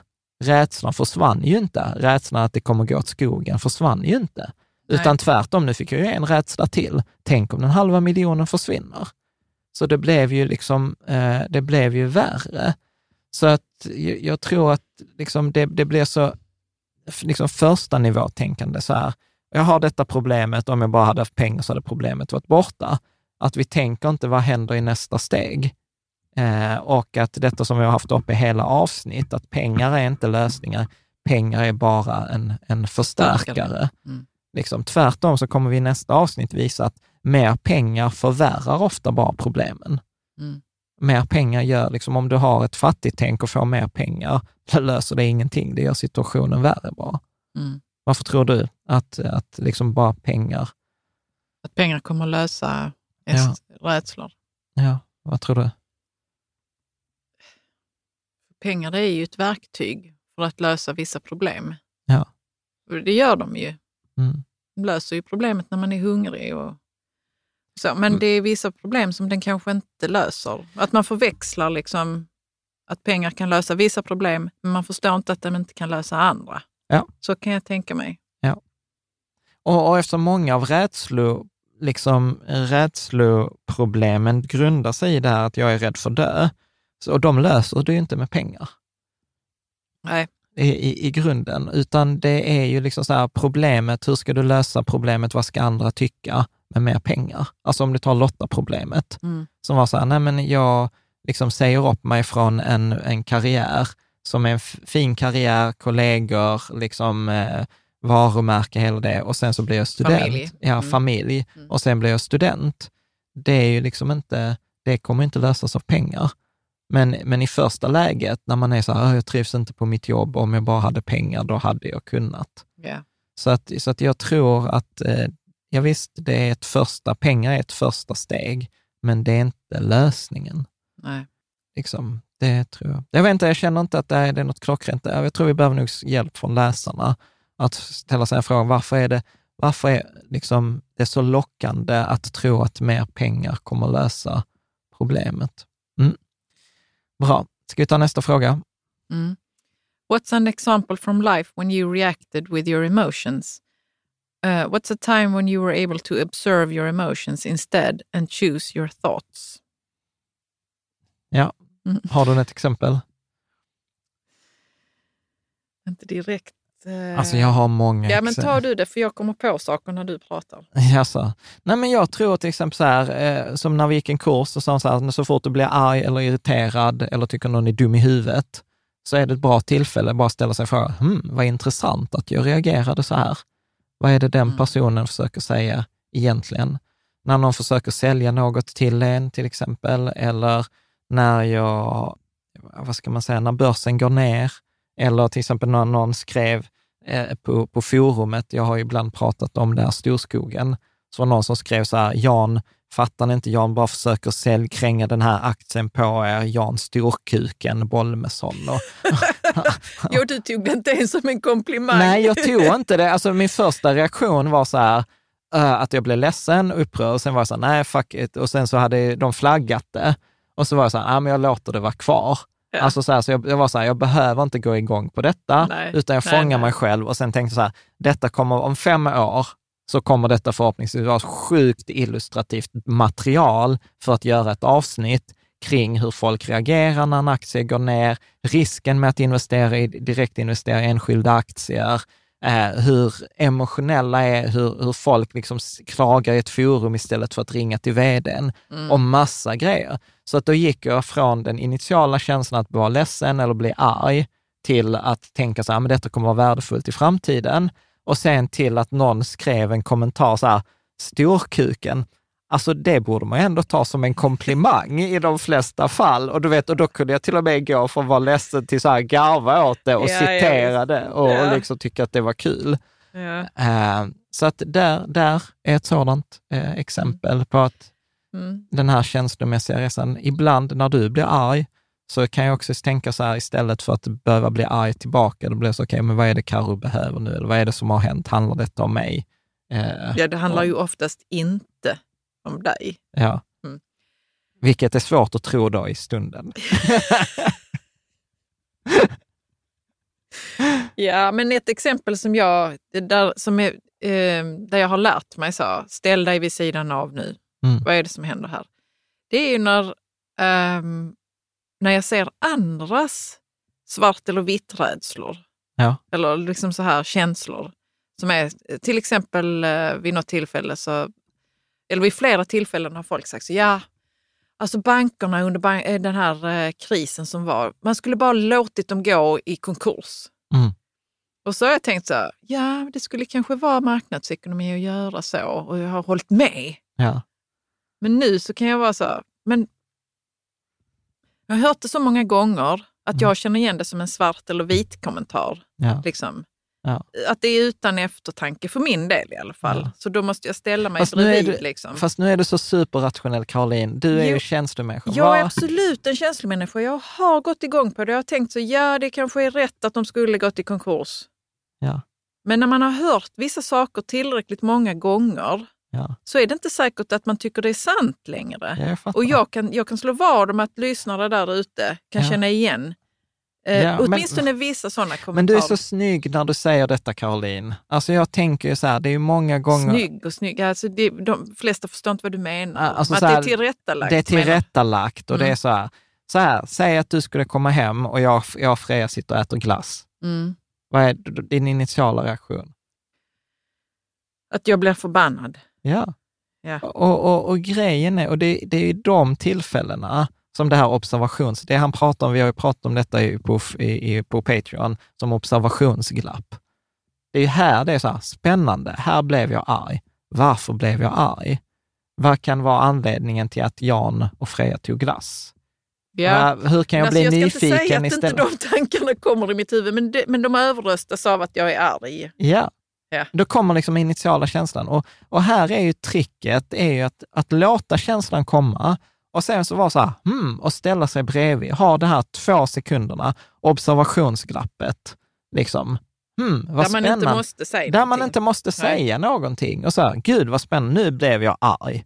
Okej, arg brukar handla om att någon gräns för mig inte har passerats. Har passerat. Eller har passerats, okej. Och, och för dig handlar det ofta om att du vill bli respekterad.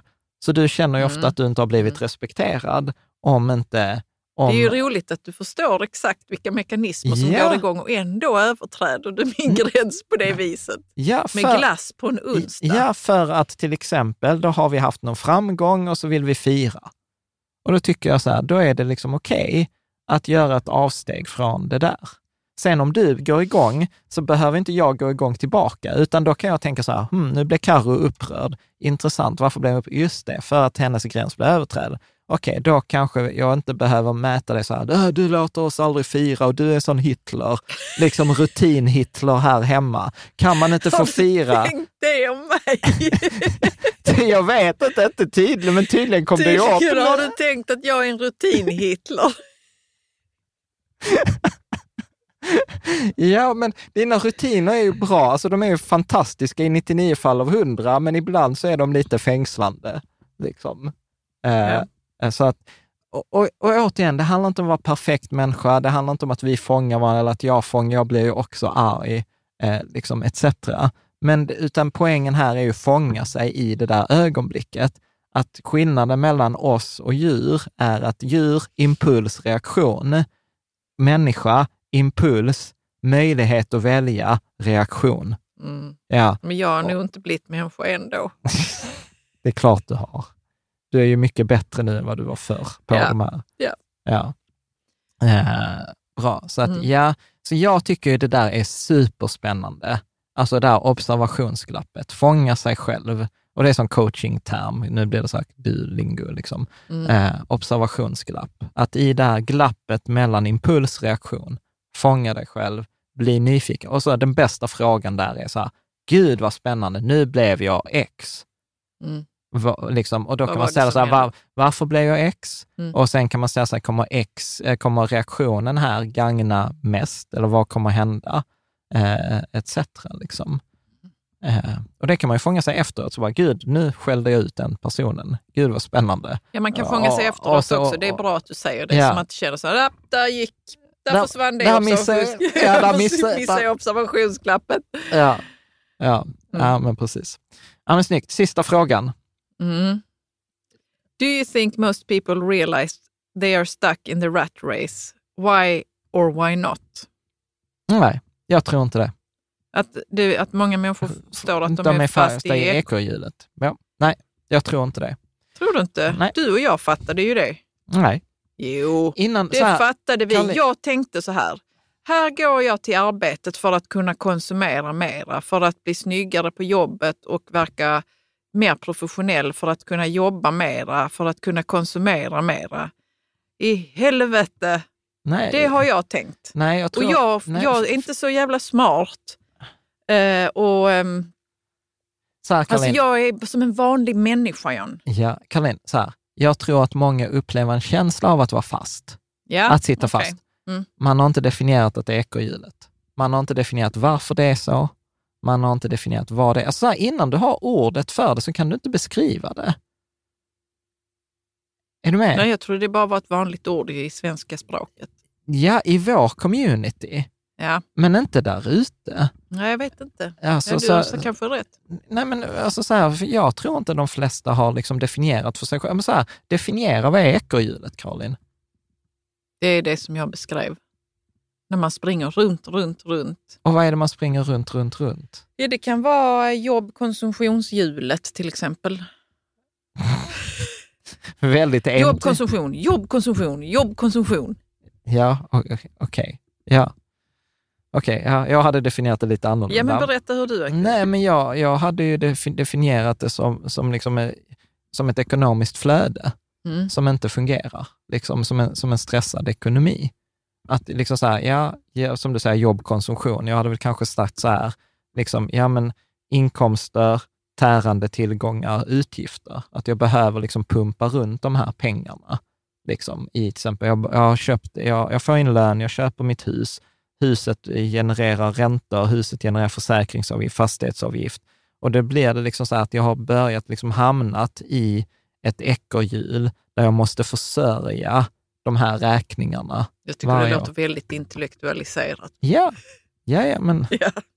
okej. Okej. Men Ja, men det är skitsamma, bra men det är samma, men det, men det är, det är samma, det är samma grej. Men Att det blir liksom en stress. Mm. Det, det är väl liksom det där vi kan enas då kring det. Att det handlar om ett stress, det handlar om att jag måste göra de här grejerna. Men jag tror inte att de flesta har, och- eller så här, poängen, poängen varför jag tror att de flesta inte inser det, är för att de gör som alla andra.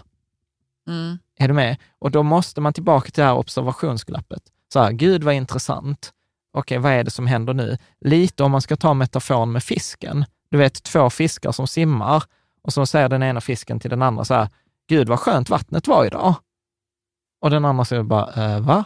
Vilket vatten. Vilket vatten? Och det är först när du lyfter ut fisken ur vattnet så att den upplever luft, som den kan plötsligt få en distinktion luft-vatten. Mm. Vatten är någonting annat än med, för innan har ju vattnet bara varit så som det är. Mm. Och så tror jag att för de- de flesta är, att de tänker inte att det finns ett ekorrhjul och framförallt man kan kliva av ekorrhjulet. För de flesta har ingen aning, vad skulle det kliva ut ur ekorrhjulet Ja, det är ju innebära? en lottovinst. Det är därför man vill vinna på Lotto ju. Ja, För att man vill komma ur sin stress. Man Ja. kanske inte vet att det är ekorrhjulet. men, men grejen är att jag påstår, även med en lottovinst så kommer du inte ur ekorrhjulet. Nej, nej, absolut. För, för att, och det är därför jag tänker att det, det kommer tillbaka till det där med, för vad, vad kommer de flesta göra med den där lottovinsten?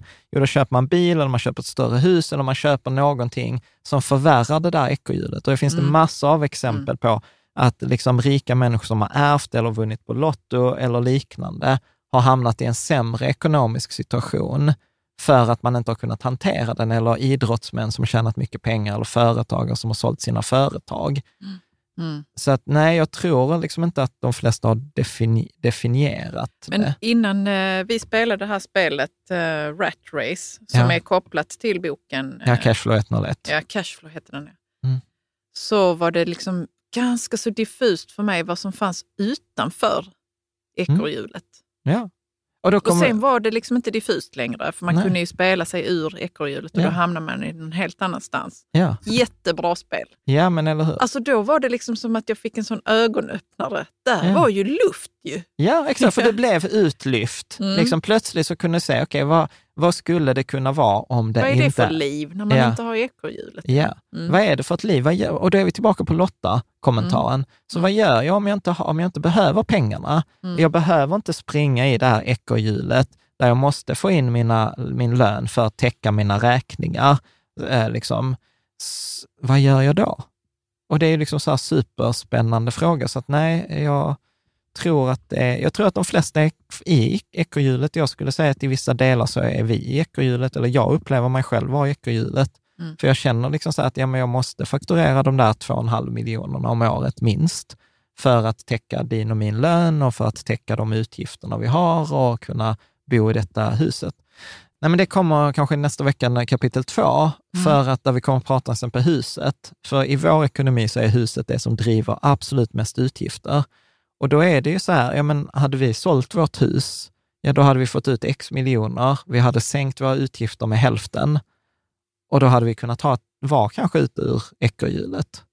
Så att ja, liksom huset är ju en grej som håller oss kvar i Ja. ekorrhjulet.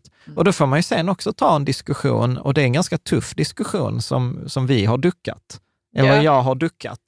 Alltså så här, okej, vad- hur skulle vårt liv se ut om vi inte hade ett hus för liksom 10 miljoner som driver, som driver kostnader i vår ekonomi? Mm. Den frågan har vi nu på vår kick-off, eh, Ja. vårt schema här, vi skulle, som vi ska ju ta lunch kring. Ja, som, det inte blev, som det inte blev lunch idag för att jag kände att vi var i ekorrhjulet och behövde jobba. Ja, precis. Jag har Eh, inte tid att prata om strategi nu. Ja, precis. Mm. Jag är upptagen. Eh, nej, och, och då kommer vi in på rädsla. Då är vi definitivt så här, var ska vi bo då? Hur, hur, ska vi, hur ska barnen ta sig till skolan? Hur kommer det vara med tid? Alltså så här, ja, det är sjukt många... Ja, men vet du vad? Alltså man ska lyssna på andras problem, för då, då ter det sig som att man kan lösa sina egna jävligt snabbt. Alltså. Idag pratade jag med städpatrullen, Ja. där den ene som städar vill liksom flytta till Kävlinge eh, och absolut hitta något bra hus där, men det är dyrt och du vet det är skjutningar där som hon bor och hur ska nu hennes gymnasiedotter då, eller hon som, dottern som ska börja gymnasiet, hur ska hon välja då? För att då vet de ju inte var de ska bo än och sånt. Man tänker så. Det där låter ju som att ni kommer kunna lösa det alltså. Mm. Det är inte, det är, du får det låta det svårt, Ja, ja. men det är nog inte svårt. Ni får bara bestämma er. Och så tänker man så själv, vi ska också bara bestämma oss. Ja, För exakt. så jävla svårt är det inte, Nej. att ta lite beslut. Nej, och sen kommer det också så blir det också så här, du vet när jag får eh, sms av vår, liksom, till exempel vi har en programmerare, Pavel, anställd, liksom, som är så här, du, eh, idag är det så här missilattack mot Kiev. Ja, jag så- programmeraren i Kiev. Ja. han där, jag blev sent till jobbet. Ja, nu gick strömmen, för det är rullande strömavbrott i hela Ukraina, så jag vet inte om jag kan jobba eh, idag. Då blir jag så här, pff, liksom, vad har jag för problem i mitt liv egentligen? Liksom. Mm, Ja. ja. det är en helt annan diskussion. Det är också väldigt, om jag bara får ta en parentes, det är Ja. också väldigt märkligt hur, eh, om man är i en krigssituation, nu har vi två personer i Ukraina som vi pratar med, och som, Mm. där de liksom vänjer sig och life goes on. Liksom. Ja, Inte på samma sätt som innan överhuvudtaget och de skulle ju kunna dö när som helst, men det är som att de bara får saker att funka ja. ändå. Vilket är så här, och det är exakt det som jag menar som är så absurt. Så sitter vi här så här, ska vi sälja huset? Jo, men Jan, vi kan inte sätta våra problem i, i paritet till deras. Men det är, jag tycker det är, jag är tacksam över att jag får lov att se det. Ja. Att de löser det ändå. Ja, nej men exakt. exakt. Mm. Bra! Detta trodde jag inte vi skulle prata en och en halv timme om. Jag hade ju förberett eh, typ ett annat kapitel. Men Ja. då tänker jag så här, det får bli nästa veckas kapitel. kör vi kapitel då, två då, då nästa kör vi vecka. nästa vecka Mm. och då kommer det bli mer så här eh, finansiell kunskap eh, eller eh, så här, finansiell kompetens och prata lite mer så här bokföring, resultat och balansräkning. Och, det är liksom, inte torrt.